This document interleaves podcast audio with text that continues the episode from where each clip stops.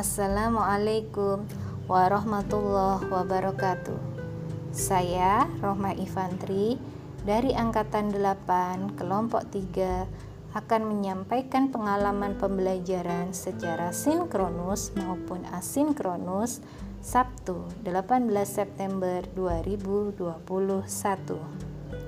Kegiatan hari ini dimulai dengan pembelajaran sinkronus melalui aplikasi Zoom.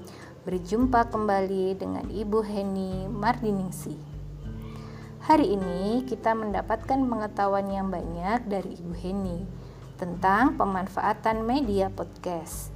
Dengan membuat podcast, kita diajarkan bagaimana cara memberikan pelayanan publik dengan penjaminan komitmen mutu yang tinggi.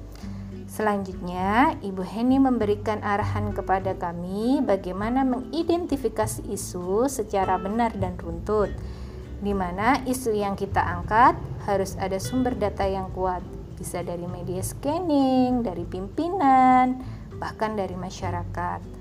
Untuk identifikasi isu, kita harus menggunakan kalimat negatif yang terdapat fokus dan lokusnya. Kemudian dari beberapa isu yang kita temukan, kita cari prioritas isu tersebut dengan teknik AKPL. Dan selanjutnya, kita gunakan USG untuk menemukan core isunya. Untuk mengetahui akar permasalahannya, kami diajarkan dengan menggunakan teknik Fishbone. Beliau juga menyampaikan kepada kami dengan belajar mengidentifikasi isu dapat ditarik kesimpulan pada manajemen ASN, kita harus bisa meningkatkan kompetensi pada diri kita, pada pelayanan publik, agar kita memiliki kepedulian dan meningkatkan komitmen mutu.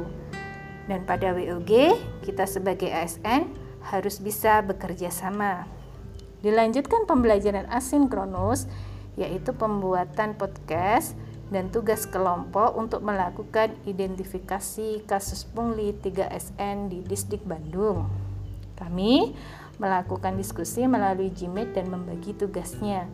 Dari pembelajaran hari ini, saya merasa ada pencerahan dari Ibu Heni terkait menganalisis isu yang baik dan benar. Terima kasih Ibu Heni. Meski perjumpaan kita tidak lama, tapi Ibu sudah mengajarkan banyak pengetahuan dengan tulus kepada kami semua.